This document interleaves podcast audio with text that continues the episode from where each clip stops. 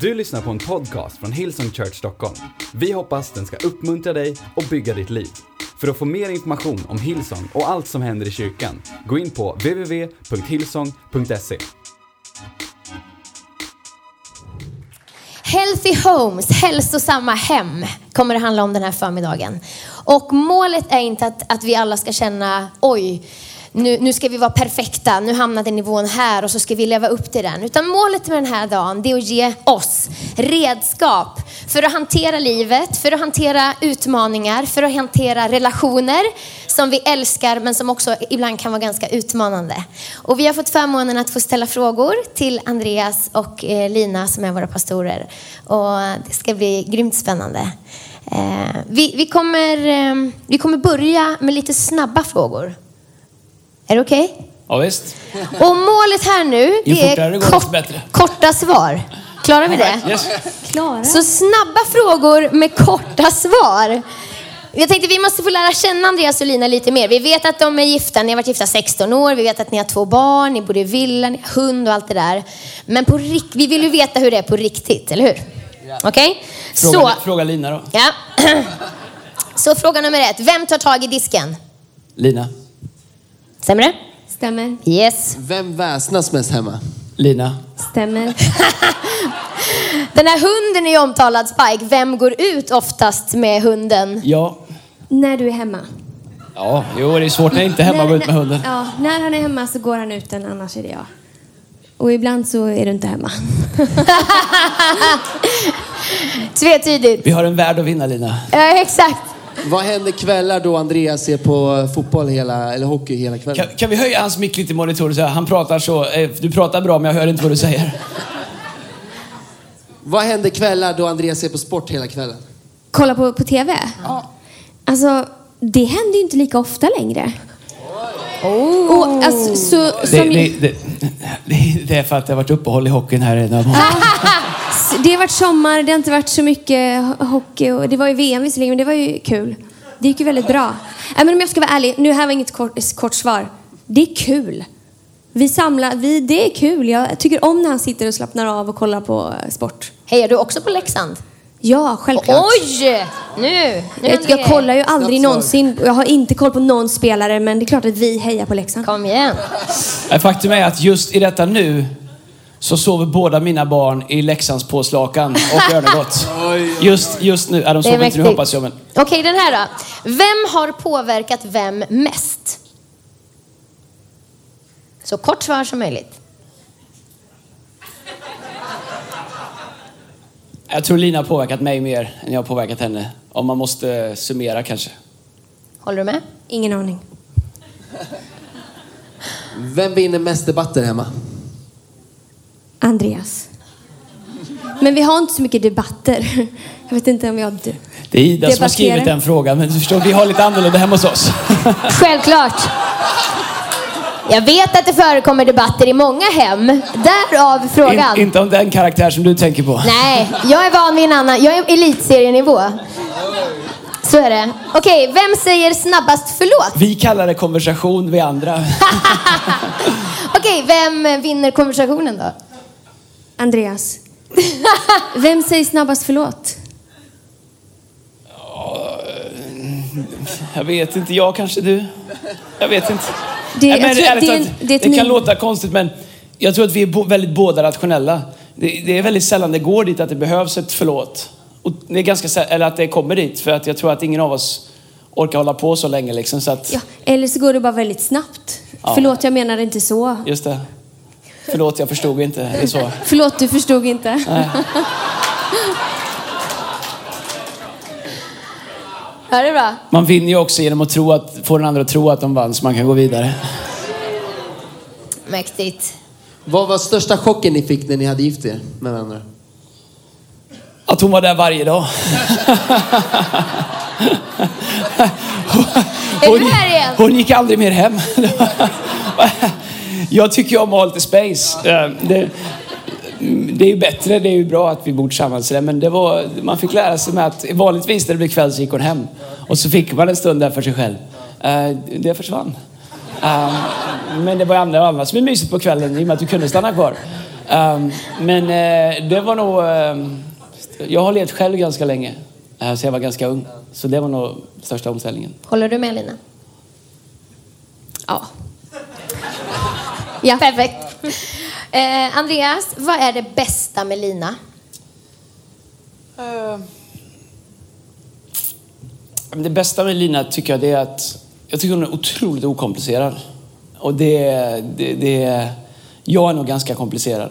Men Lina är väldigt okomplicerad och det gör att... eh, Men hon är snygg och alltihop det här. Men, men det bästa med henne tycker jag är... Jag tycker hon är okomplicerad. Jag tycker hon är otroligt... Och Hon har en förmåga att skala ner snabbt till vad saker verkligen handlar om. Och inte alltid göra en emotionell resa till det.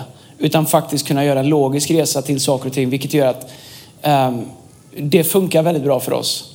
Så jag tycker att hon är prestigelös. Och, och, och även om hon är väldigt stark i vad hon tycker så är hon prestigelös och okomplicerad i det. Och det tycker jag är en av är hennes bästa egenskaper. Förutom det kanske mest skrivna om Andreas, att han får hem viltkött i frysen, troféer på väggarna. Vad är det bästa med Andreas, skulle du säga Lina?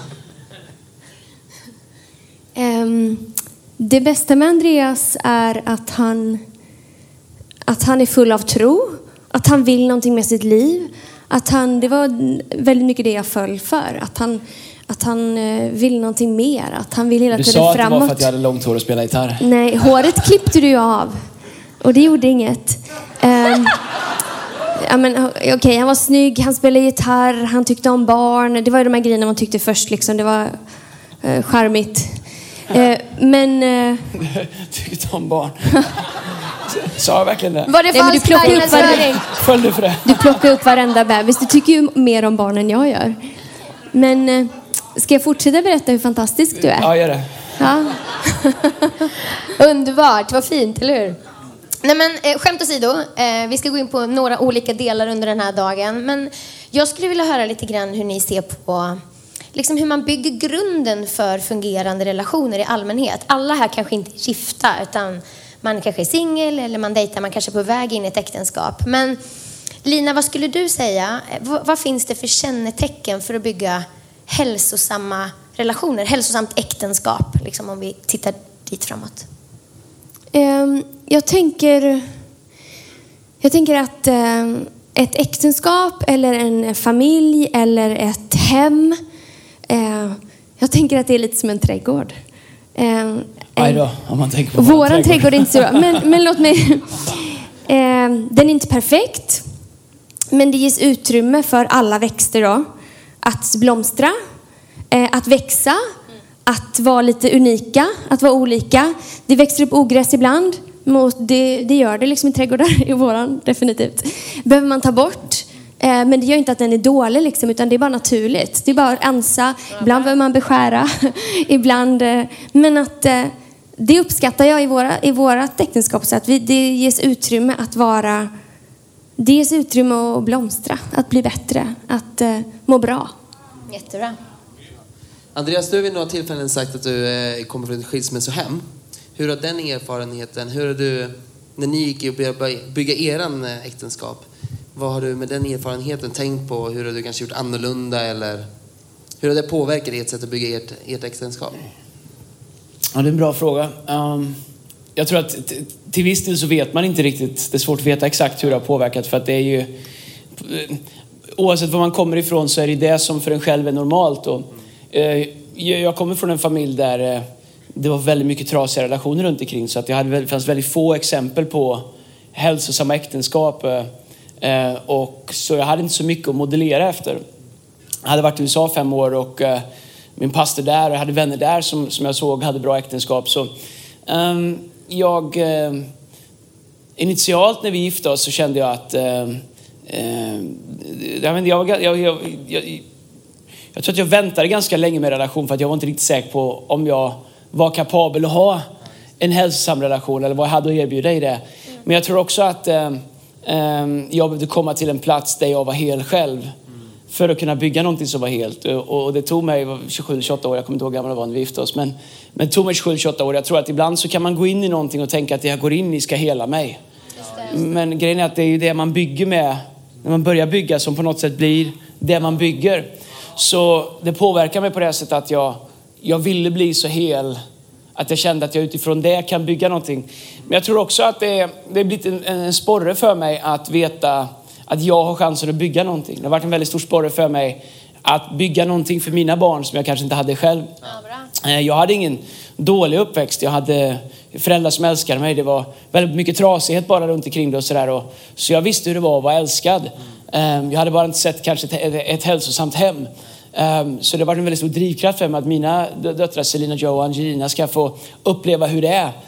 Eh, Och, och, och, så att jag kan modellera det för dem så att de kan se det som det normala när de sen ska gifta sig när de är 45 eller någonting sådär senare. Från era år som gifta, vad skulle ni säga ni har lärt er mest? Är det någon ni ska vilja dela av det? Stor fråga. Men Jag tror att det är några saker. Det ena som man lär sig är att ett äktenskap, nu finns det ju folk som varit gifta mycket längre än vad vi har varit här. Jag tror eh, P.L. Kammis har varit gift i 45 år tror jag. Ehm, Men eh, jag, jag tror att eh, det vi har lärt oss på våra 16 år, eller det jag har lärt mig, det är att äktenskap har säsonger. Och ibland så när jag pratar med människor så finns det väldigt stor rädsla för när ett äktenskap är en säsong som kanske inte är liksom, du vet så här, sexet är inte det bästa, man hinner inte dejta ordentligt, man är griniga, det är februari, man har inte sett solen sen i, sen i liksom, eh, på, på åtta månader. Och, förstår du vad jag menar? Man, man, man, ett äktenskap har säsonger. Och efter ett tag så inser man att det är okej. That's fine. Det är därför att eh, om du bara fortsätter att göra det som är rätt och du fortsätter att ta hand om det så kommer en annan säsong. Ibland finns det saker man kan påverka. Du kan börja fatta andra beslut. Eh, om vi inte prioriterar tid så går det ganska fort att man bara hamnar lite längre ifrån varandra. Och faktum är ju mindre man upp, umgås ju mindre längtar man efter varandra. Ju mindre man umgås, ju, ju längre, bara man hamnar lite längre ifrån, det påverkar intimiteten. Och eh, ju mer man investerar i, i det, ju, ju närmare handlar man varandra, ju mer längtar man. Så man kan tänka, ju mindre man umgås, ju mer längtar man efter varandra. Men faktum är att det är helt tvärtom. Ju mer du umgås, ju mer längtar du efter varandra. Men livet har olika säsonger. Det kommer barn, de ställer till det med umgänge och allt möjligt. Och de ska sova i sängen och eh, whatever. Men jag tror att om man bara är okej med att förstå att ett hälsosamt äktenskap som byggs för tid har olika säsonger. Och that's fine, även om de flesta aldrig pratar om det. Det ser ut som, liksom, vi, vi vill ju på Instagram få det att se ut som att alla är på smekmånad hela tiden. Så jag vet inte, så har inte vårt äktenskap sett ut i alla fall. Och, och, och jag tror att det är något som jag har lärt mig. Det är något som vi, om det var det som var frågan, vad vi har lärt oss. Jättebra. Jag har bara en följdfråga på det du sa. Ja. När du säger att ni, ni upptäcker att nu kanske vi inte har tagit tid för varandra eller nu saknar vi tiden. Hur upptäcker ni det? Är det några varningsklockor eller hur märker ni att nu är det dags att, att göra något åt det? Liksom? Jag skulle, jag skulle säga att man blir mer lättirriterad irriterad på varandra. De här grej, små grejerna som man kan störa sig hos någon, liksom, ni vet toarullen som är tom eller, eller disken som bara står där. Eller, Vänd åt fel håll. Ja, men där är vi överens. Men... eh, Eller att, man, ja, liksom att det blir mer konflikter, att det blir mer gnissel. Att man blir... eh, Då märker man att okej, men här har inte vi underhåll, un, underhållit relationen för att man börjar se det där som är egentligen bara små grejer. Det är som att det inte finns någon olja i maskineriet. Liksom. Bra. Jag tänker att kommunikation är ju en stor del av det, hur man kommunicerar med varandra. Hur har ni lärt er att kommunicera? För ni har olika bakgrunder, olika sätt att prata i era familjer. Hur har ni hittat ert sätt att kommunicera? Ja, vi har ju olika bakgrunder. Eh, där jag kommer ifrån så var det ju, du vet, så här, morsan ställde fram mat. Det var massa bröder och det var ju bara ge två, eh, två bröder varsin armbåge och så ta så mycket man kunde. Det var ju så här, du vet så här. Kvällsmat, tre skogar holmslimpor, fyra liter mjölk, ett paket O'boy, slagsmål. Så eh, när jag var hemma hos Lina första gången, eh, hon tycker om när jag pratar om det här. Eh, Det är för att du absolut inte överdriver. Du brukar inte göra det. Jag predikar inte när jag pratar bara, right? Du vet vad vi säger, låt inte sanningen komma vägen för en bra historia. Um, och, eh, när jag var hemma hos Lina första gången så, jag hade aldrig sett något liknande. De var syskon, de höll, och så skulle vi äta, de höll, sjöng och höll i hand och grejer. Vet, jag hade aldrig, aldrig sett något sånt. Om jag gjorde något med min hand så var det nita min brorsa för att få mer mat. Men, eh, och sen så när vi ätit så satt de i samma soffa och de var, de var så mysiga. Och, kram. Jag och mina bröder har aldrig suttit och myst i en soffa ihop. Aldrig, ever. Så vi kom från lite olika bakgrund av hur man liksom umgås och kommunicerar. Men jag tror att eh, eh, Lina, be jag behövde ju vad Lina hade. Jag behövde ju liksom lära mig hur man umgås eh, normalt. Eh, och och eh, Lina behövde kanske lite mer rock'n'roll. eh, Du har fortfarande inte svarat på frågan. Nu kommer domen. Vad var frågan? Hur vi har lärt oss att kommunicera med varandra. Ja, där, där ser du hur det går. Ja, men jag... Det går ehm, nej, vi- hur vi har lärt oss komedi, jag vet inte. Det är inte så mycket, att pra- det, det, det är mycket att prata om. Men, Men jag tänker så här att det är väldigt ofta som man vill ha sin egen synpunkt framförd. Man vill ju gärna liksom trycka ner sin sanning in i den andra personen. Liksom. Få minsann säga vad man tycker och få den att höra. Liksom. Men eh, jag har faktiskt med mig min bibel här. Eh, och jag, det här försöker vi lära oss. Men i, i Jakobs brev kapitel 1, vers 19 står det. Det här vet ni mina älskade bröder. Varje människa ska vara snar att höra sen att tala och sen till vrede. Det är en utmaning, men jag tror att lyssna är ju, ett, en, att lyssna är ju verkligen mycket svårare än man tänker. Ofta vill, liksom, framförallt om man har en debatt då, att man sitter och väntar på att den andra personen ska vara klar så att man kan säga vad man tycker och få den andra att höra. Men att börja lyssna, eh, det är inte jag alltid bra på. Ibland så avbryter jag ju dig. Men eh, har hänt. det får jag höra. Men, men eh, ja, kommunikation och kanske också prata när, när den andra personen är eh, redo för det. Eller liksom att lyssna när den pratar. Ja, precis. Vi är ju inga samtalsterapeuter eller sådär, eller vi har inte liksom gått någon kurs, utan vi har ju bara vårt eget äktenskap att dra ifrån och all tid vi har spenderat med människor som, som har utmaningar i relationer. Och jag tror så här med kommunikation. Jag tror att det finns, det finns några olika sorters kommunikation. Man behöver förstå, tror jag, vilken kommunikation man har. Den ena kommunikationen är när den andra bara behöver bli hörd. All right? Jag är ganska lösningsorienterad. Så jag tycker att, du vet så här, en minut innan jag har fattat vad hon vill, då har jag gått vidare till lösningen. Eh, jag tycker det är rimligt, men det är det tydligen inte. Eh, och, och då har jag fått lära mig att det finns en konversation som inte, den behöver inte leda någonstans. Jag vet det kan vara svårt för en del att fatta det och jag jobbar också på det, men, men den behöver inte leda någonstans. Det är bara, ah, och, och, och jag förstår värdet av det, skämt åsido. Den andra, andra kommunikationen, det är ju, och något som jag tycker faktiskt att vi har blivit bättre på, det är ju att konversationen leder till någonting. Alltså vi försöker, hitta lö- vi försöker lösa någonting. Och ska en sån konversation kunna uppstå så måste man ju ta bort prestige. Då handlar det inte om rätt och fel eller vem som har liksom, utan då handlar det om hur ska vi komma någonstans? Hur ska vi ta oss till, eh, hur ska vi ta oss ur den här situationen eller hur ska vi lösa den här utmaningen? Och, och det är en helt annan typ av kommunikation. Eh, och, och sen så, den tredje, den tredje sättet med kommunikation, det är att veta när man tar den. Och eh, jag tror att för oss som eh, har jobb där man ger ut ganska mycket, eh, man pratar om emotionellt kapital, så har vi ett jobb där vi spenderar väldigt mycket emotionellt kapital. Efter en söndag så, så är vår, liksom, då, då, då, då, får, då, är, då har vi väldigt lågt emotionellt kapital. Vi har spenderat väldigt mycket. Så vi har lärt oss när vi tar vissa konversationer, för vissa konversationer kräver ganska mycket emotionellt kapital. Och jag, jag har lärt mig att jag kan inte prata med Lina om vissa saker om vi inte har spenderat tid tillsammans på några dagar eller på någon vecka eller två.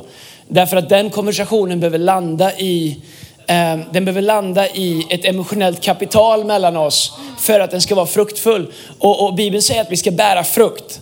Allt som är hälsosamt bär frukt. Allt som är hälsosamt leder till att det, det skapar frukt. Så att en konvers- man kan ju vinna en konversation men den har ändå inte gett frukt. Den har inte liksom blivit till välsignelse. Den har inte producerat någonting.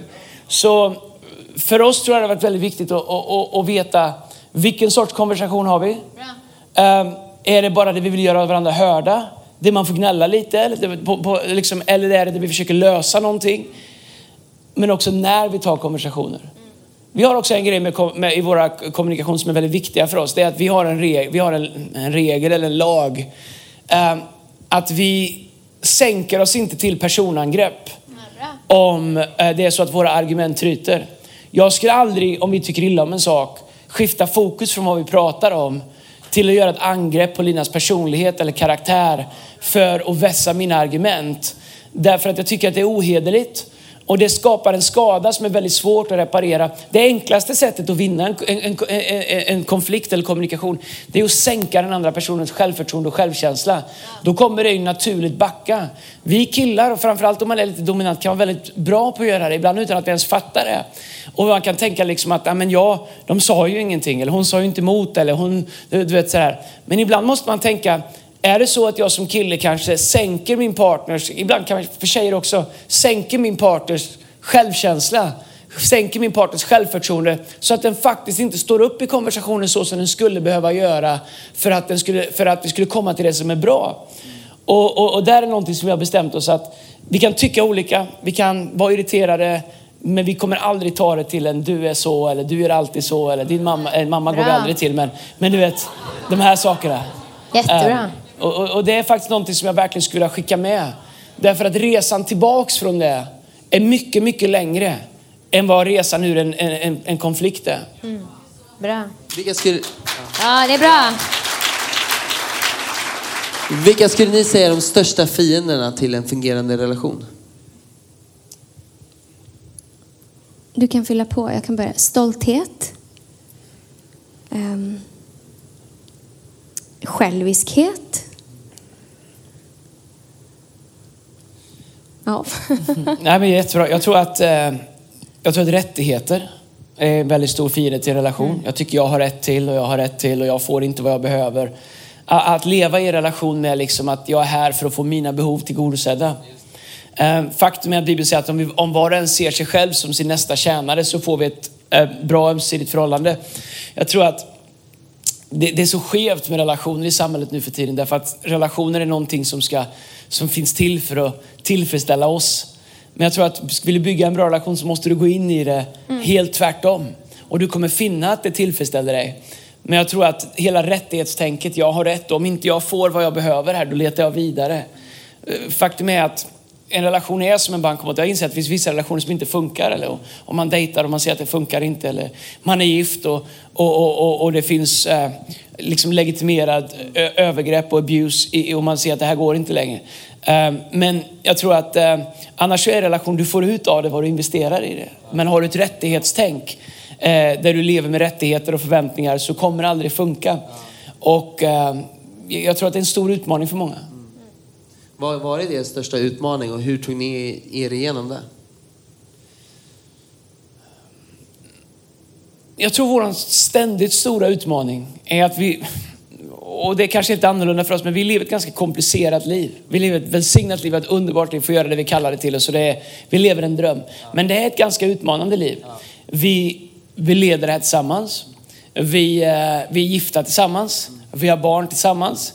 Vi har anställda tillsammans. Vi har ett hem. Så, så allting, har- ibland flyter saker ihop. Så vi har så mycket som vi ska vara tillsammans. Om inte man, vi ser till att liksom um, rätt sak får rätt tid, vilket vi inte alltid, vi är inte alltid bra på det. Därför att vi, vår kyrka har växt så otroligt mycket. Och, och, och de utmaningarna som har kommit med det är ju att vi måste lära oss att leda det. Vi måste lära oss att leva i det. Vi måste lära oss. Så varje år måste vi lära oss. Det har varit nästan så att varje år måste vi lära om hur är man pastor och gift och i, i nu. Och bara sista året så har vi gått från tre, tre locations till, till, till sex campusar och, och, och, och, och, livet har... Jag tror jag har haft, jag har en resväska som jag inte har packat upp riktigt sen i maj tror jag. Jag bara liksom, jag byter grejer i det. Jag har lite kläder i resväska. Och, och, och, tre månader. Tre väskor. Ja, Okej, så- sorry. Jag har tre väskor hemma som jag inte packat upp. Okej. Och, och, um, nej, men det, och när, vi, när vi hamnar för långt ifrån varandra, då, då blir det inte bra. Och då, eh, då, då finns det liksom ett skav. Vi är båda så överlåtna till varandra så det gör inte att det blir bråk. Men det, det finns ett skav, vi är inte så nära varandra som vi behöver vara för att få det att fungera. Och, eh, och det kan vara en utmaning för att ibland är det Lina som går igenom en season där hon behöver lista ut vad hon behöver vara nu eller vad Gud har kallat henne till att vara. Eller hur hon ska lära sig att leva och leda i den, den, det som är verkligheten nu. Och då måste jag försöka förstå och förhålla mig till det. Ibland är det jag som gör det. Eh, och eh, ehm, vi reagerar olika på det. Lina får svara på hur hon reagerar på det. Hon kanske ehm, bearbetar det mer på insidan. Medan jag kanske mer, eh, blir mer frustrerad och, och, och, och liksom emotionellt dränerad. Så, så det, det, det skapar en tension hos oss som vi måste vaka över väldigt mycket. Det, och det gör att vi ibland hamnar för långt ifrån varandra. Vi, när vi har hunnit med allt och alla och allting så kanske det inte finns någonting kvar på lördagen. Och, och, och, och den lördagskvällen så ska vi ändå tänka på att det är söndag imorgon. Eh, och det är upp till oss att försöka bli ännu bättre ledare eller skapa ännu bättre system och rutiner så att det frigörs tid. Men det, det är en av våra stora utmaningar om jag ska vara helt ärlig. Mm, jag tänker att man... Eh, det är så lätt att man gör de sakerna som är akuta och liksom lägger energi på det, och för man måste ju lösa saker. Och en relation kan ju vara en sån sak som bara finns där, som man inte ser som akut. Utan allt annat går liksom före för att det ändå funkar. Eh, tills man kommer till, där, till den här platsen där det är akut. Och först då kanske man vill göra någonting åt det. Det är en utmaning att eh, relationer generellt, tänker jag, både liksom i äktenskap men också med vänner och sånt där. Man tänker att det skriker inte så högt just nu, så då kanske det klarar sig. Men att investera i sånt som, inte, som är mer långsiktigt. Det är en utmaning. Superbra. Jag tänker, ja det är värt en applåd. Bra. Jag tänker på det här skavet som du nämnde om. Jag hade en konversation med ett ungt par i kyrkan för ett tag sedan som, som var nygifta och sa att det hade infunnit sig någon slags känsla att ska det inte vara bättre än så här? Man hade en dröm och en förhoppning och så kommer vardagen och så det där skavet. Hur man hanterar det och hur man på något sätt tar sig igenom det och tar sig, hur man bevarar sin relation stark trots det där skavet. Och det kan ju yttra sig på många olika sätt. Skulle ni vilja säga någonting om det? Ja, jättegärna. Jag tror för det första med relationer, med nya relationer, alltså få inte panik. Eh, jag pratar med folk som varit gifta tre månader, sex månader, ett år och tänker det är så här det ska vara. Och din relation kommer bli vad du gör det till. Ja. Alltså första året kan vara jättejobbigt för en del. Med andra året också. För en del är det superenkelt, för en del är det jätte... Det enda jag vet är att alla kommer att gå igenom utmaningar. Och så det första jag vill säga är, få inte panik. Och, utan, utan, utan hitta någon att prata med. Jag tror att vi är... och- jag tycker inte om den delen av frikyrkan. Sorry om jag trampar på någon tå här. Som är så himla liksom... Uh, um, fisförnäm och lite medelsvensson och lite eh, liksom eh, eh, så här radhus påklistrat liksom att vi ska komma, det ska vara så himla fint och det ska vara så bra alltid liksom och man tar på sig sitt smile och sin nystrukna skjorta. För så ser inte livet ut för någon. Utan det jag önskar är att om du känner liksom att du är inne i en relation och du tänker, ska det vara så här? Att du inte känner att jag måste gömma det. Och att kyrkan är, en, kyrkan är den där alla har bäst relationer, så där kan jag inte liksom visa upp att det inte funkar. Därför tro mig, jag är pastor. Det är inte bara bra relationer i vår kyrka. Eh, det är så mycket människor, allihopa, vi går igenom, alla möjliga går igenom. Men grejen är så, här, så att om du har en bild av hur det ska vara, så kanske det inte, först och främst, det kanske inte är fel på din relation. Den kanske är work in progress, det är fel på den bild du har av den. Och, och, och, och, och, och ibland behöver man fundera på var har jag fått den bilden ifrån? Har jag fått den av någon som visar upp 5% av sin relation eh, som är superbra och, och, och sen så tänker du att jag benchmarkar mitt liv mot de 5% men jag får inga verktyg att hantera resten av relationen. Och, och, och vi måste passa oss i kyrkan, framförallt liksom i, i, i frikyrkan så att vi inte blir liksom så här, en så här happy clapper klubb där liksom man tänker dit kan jag inte gå för där har alla så bra. Det är inte sant. Och, och, för så är det inte. Många har det bra och i perioder har vi kanske allihopa bra, som samhället i övrigt ser ut. Men jag tror att det är otroligt viktigt att när man känner att det inte är bra, att man pratar med någon. Att du Ja. pratar med någon i din connect-grupp, pratar med en pastor, pratar med någon du har förtroende för. Vi har så mycket vettiga människor i vår kyrka som har haft äktenskap länge. I, ibland det enda man behöver göra är att få åka hem och fika med någon som varit gift ett tag och, och, och bara ta bort stinget av att vi ska hålla det här för oss själva. Jag lovar dig, de bästa utmaningarna, vi har suttit med Brian och Bobby och lyssnat på deras utmaningar genom äktenskap och genom alla har det. Alla har det. Hör vad jag säger? Alla har förr eller senare utmaningar i sina äktenskap. That's life. Vad vi gör med det avgör om vi blir bättre eller bittra när vi går igenom det. Men det första som djävulen alltid vill göra när vi går igenom saker är att han, att han vill få oss att isolera oss. För man kan dra oss bort ifrån Connect-gruppen, bort ifrån kyrkan, bort ifrån andra människor. Då blir vi ett enkelt byte för att vi börjar tanka negativa tankar. Och negativa tankar kommer leda till negativa handlingar och negativa handlingar kommer leda till, till negativa konsekvenser i våra liv. Det bästa du kan göra när du går igenom saker och ting och du känner att det skaver, det dra dig närmare Bra. stabila människor. Dra dig närmare eh, människor och våga säga det eh, eh, till, till, till någon som behöver till någon som kan hjälpa dig och bara prata med dig. Jättebra.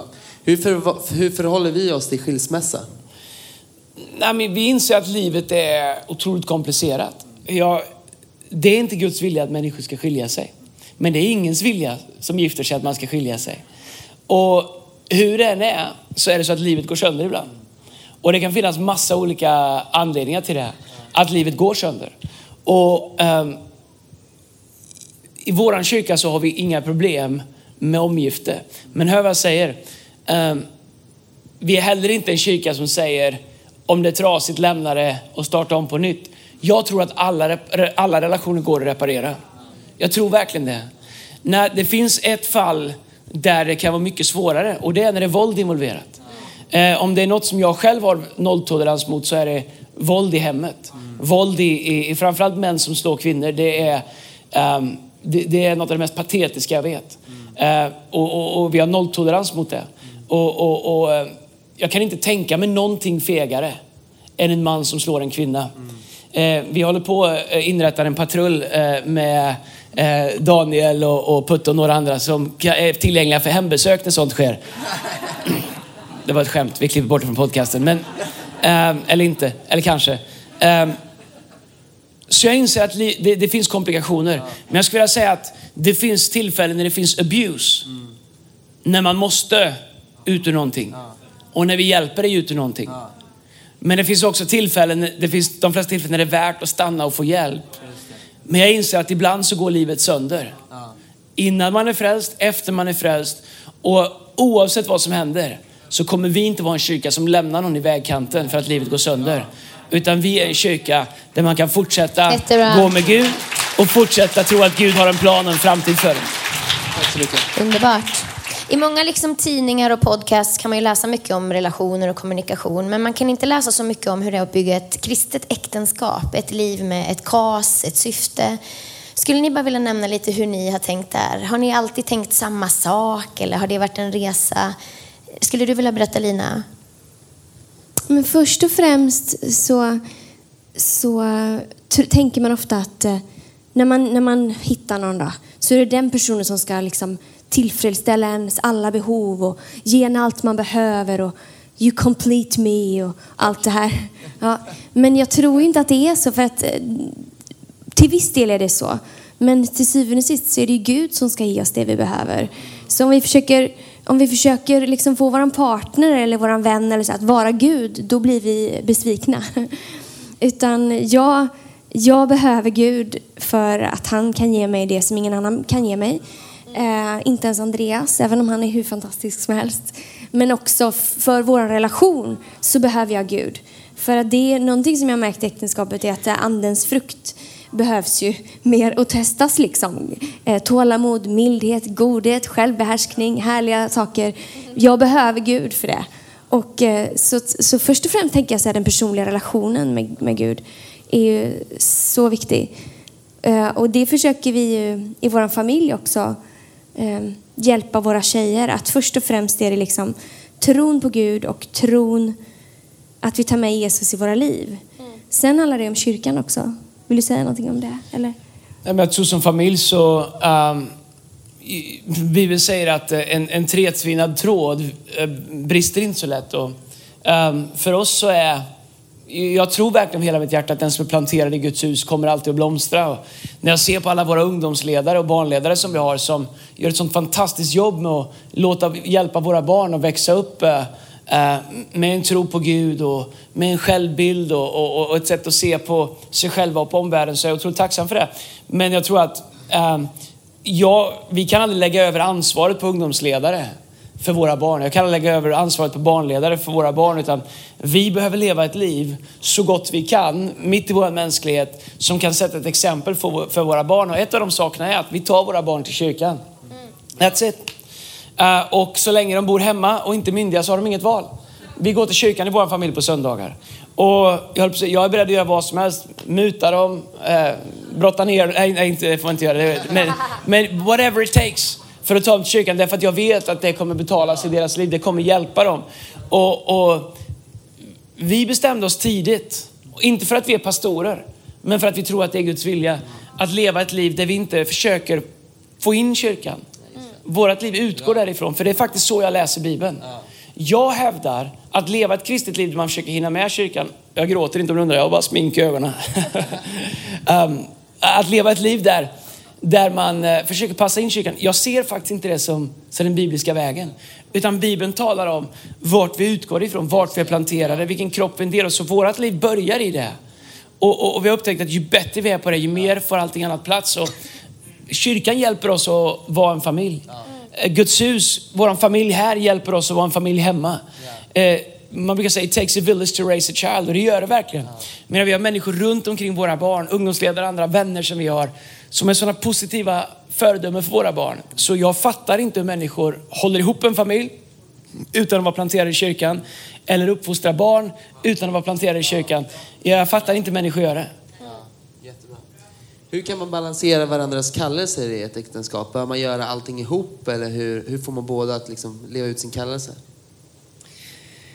Nej, jag tror inte att uh, man måste göra allting ihop. Uh, nu, eh, uh, kallelse för de allra flesta människor är ju uh, förmodligen kopplat till någonting som kanske inte först och främst har med kyrka att göra. utan de som lyssnar här. Utan, jag tror att det första med kallelse är att vi, vi alla kallar det.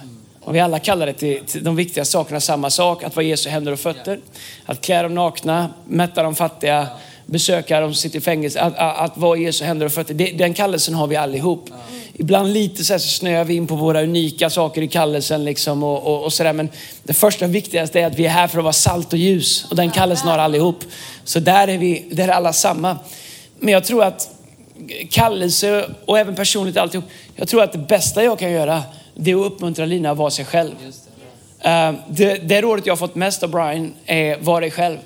Och, och, och, det är en miljö där det är ganska enkelt kanske att vilja bli som någon annan. Och liksom, men jag tror att uppmuntra varandra att vara sig själva.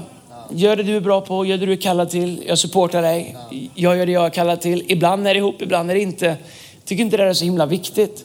Det vi gör tillsammans det är att vi bygger Guds hus. Det vi gör tillsammans det är att vi, vi linar upp vår ekonomi runt omkring det som är viktigt för oss.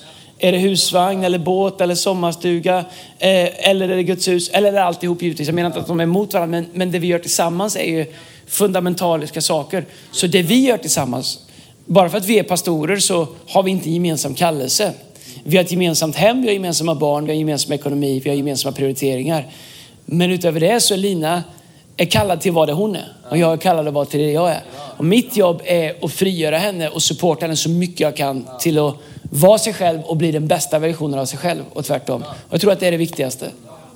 Jättebra, superbra.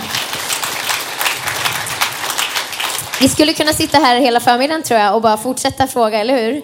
Men om vi, innan vi avrundar, om ni skulle få skicka med tre stycken råd eh, till de här underbara människorna med alla livssituationer som finns representerade. Vad skulle ni vilja säga då?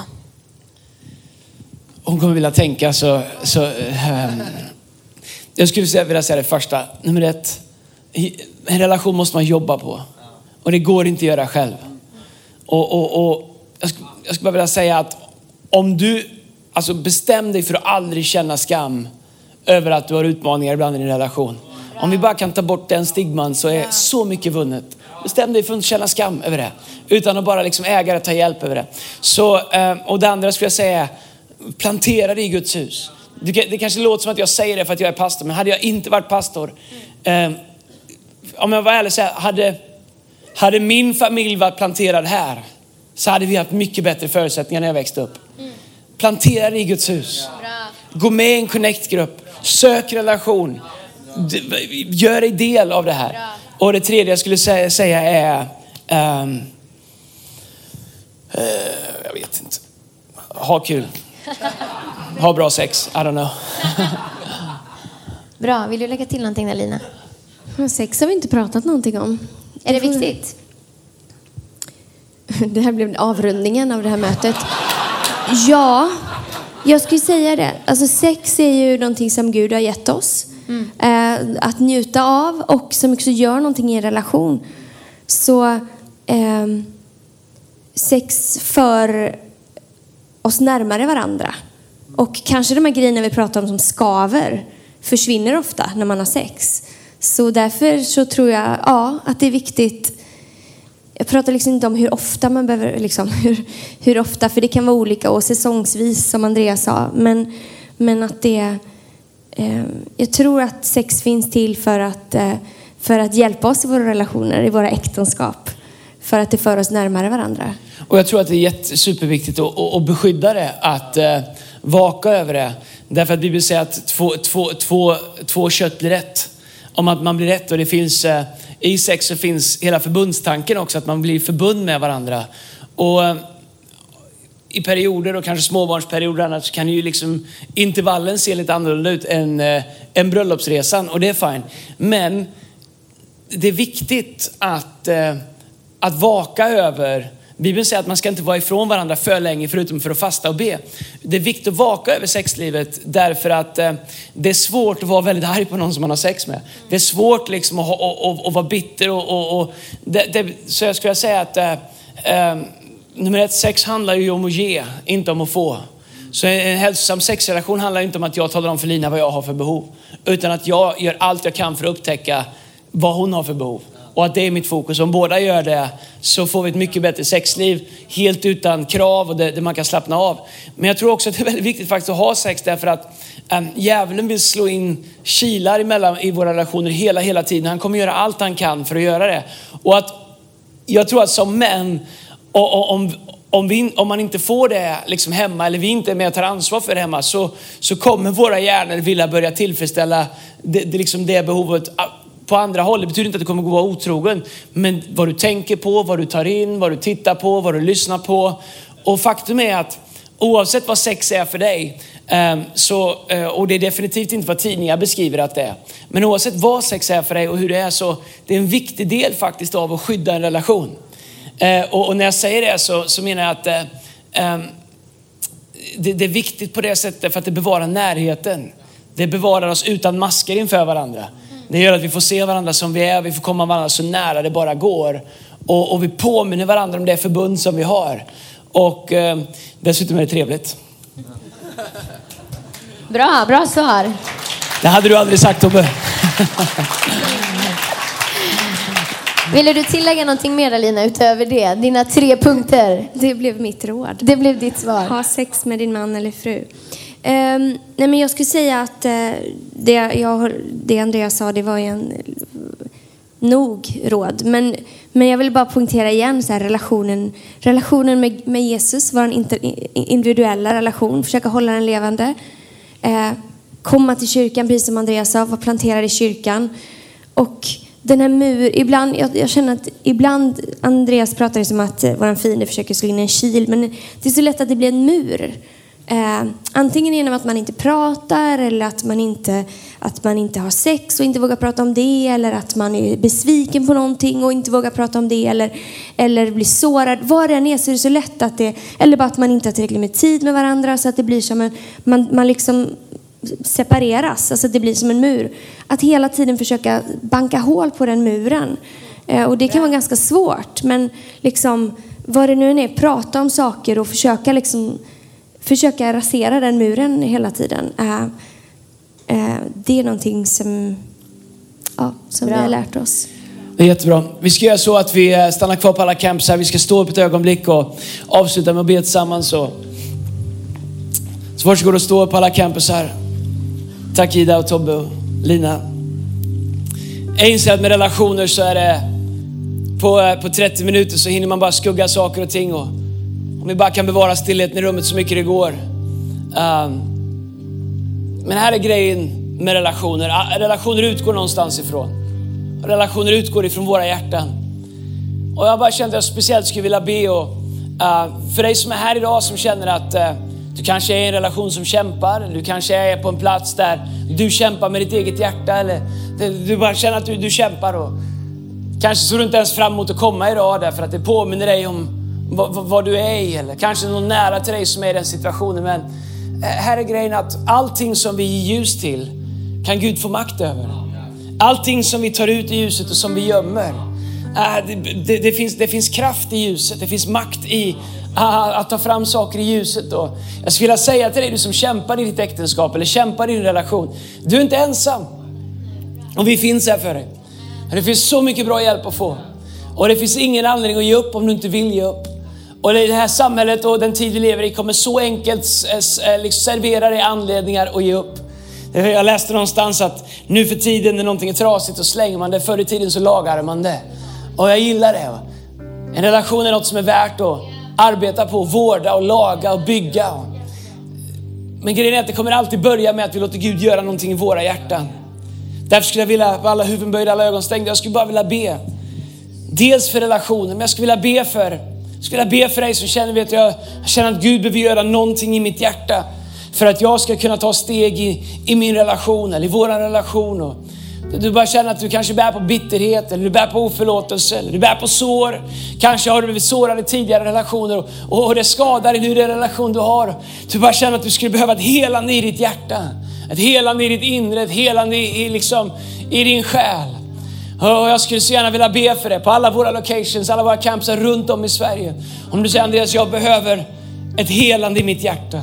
Kanske är du i en relation, kanske har du, kom, har du varit i en relation, kanske är du på vägen, I don't know. Kanske är du gift, kanske det spelar ingen roll, men du bara känner jag behöver ett helande i mitt hjärta, i mitt inre. Jag behöver bli hel.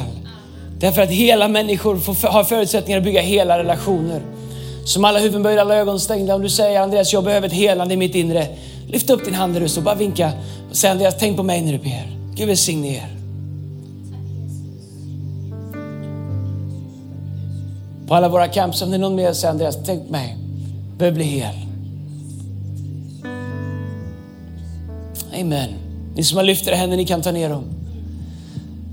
Fader, jag tackar dig för att du är här. Herre, jag tackar dig för att utan dig så är det omöjligt att ens ha en sån relation som du har gett oss potential att ha. Herre, jag ber för varje person som är här idag som känner att de behöver ett helande i sitt hjärta. Herre, kanske människor som har blivit sårade, trasiga, Herre. Människor som har gått igenom saker och ting, Herre. Kanske i en relation där man har gjort och sagt saker som har satt spår. Kanske, Herre, som har vuxit upp, Herre, under omständigheter som har gjort att, att man får dela med ett hjärta som kanske bär på är, Herre. Herre, jag tackar dig för att du är mäktig och skapar i oss ett nytt hjärta, Herre Jesus. Herre, jag tackar dig för att allt är möjligt för dig, Herre. Så jag ber om helande in i hjärtan. Herre, jag ber om mod, Herre. Att våga ta en konversation med någon som kan hjälpa dem, Herre Jesus. Bryta tystnaden, bryta ensamheten, Herre Jesus. Herre, jag ber Herre att varje person som lyfter sin hand skulle få ett nytt möte med dig, Herre. Jag tackar dig heligande att du är hos dem, Herre. Herre, jag tackar dig för att du är den som upprättar, du är den som helar, du är den som ger kraft till att gå vidare i Jesu namn. Herre, jag ber för våran kyrka. Herre, jag ber att våran kyrka skulle vara en ärlig kyrka. En kyrka man kan komma till, Herre. En kyrka man kan leva i. En kyrka man kan växa i, Herre. Herre, jag ber om starka relationer. Jag ber för varje hem. Jag ber för varje äktenskap. Håll din hand över dem i Jesu namn. Håll din hand över varje person, varje par, varje barn, varje familj, varje hem. Herre, jag ber för dem som lever i en relation som är hälsosam. Herre, jag ber att du skulle använda dem för att hjälpa andra människor.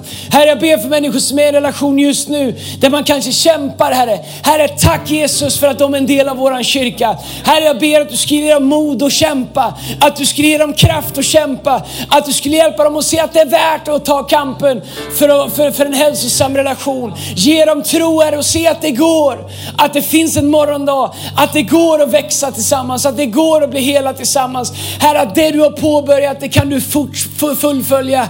I Jesu namn vi ber. I Jesu namn vi ber. Amen. Come on, jag har bett lovsångsteamet komma upp och leda oss i en sång. Så ska vi alldeles strax be för veckan som ligger framför. Kom on, vi tar ett ögonblick och, och ber tillsammans. Så älskar Gud vår värld att han gav sin enda son så att den som tror inte ska förgås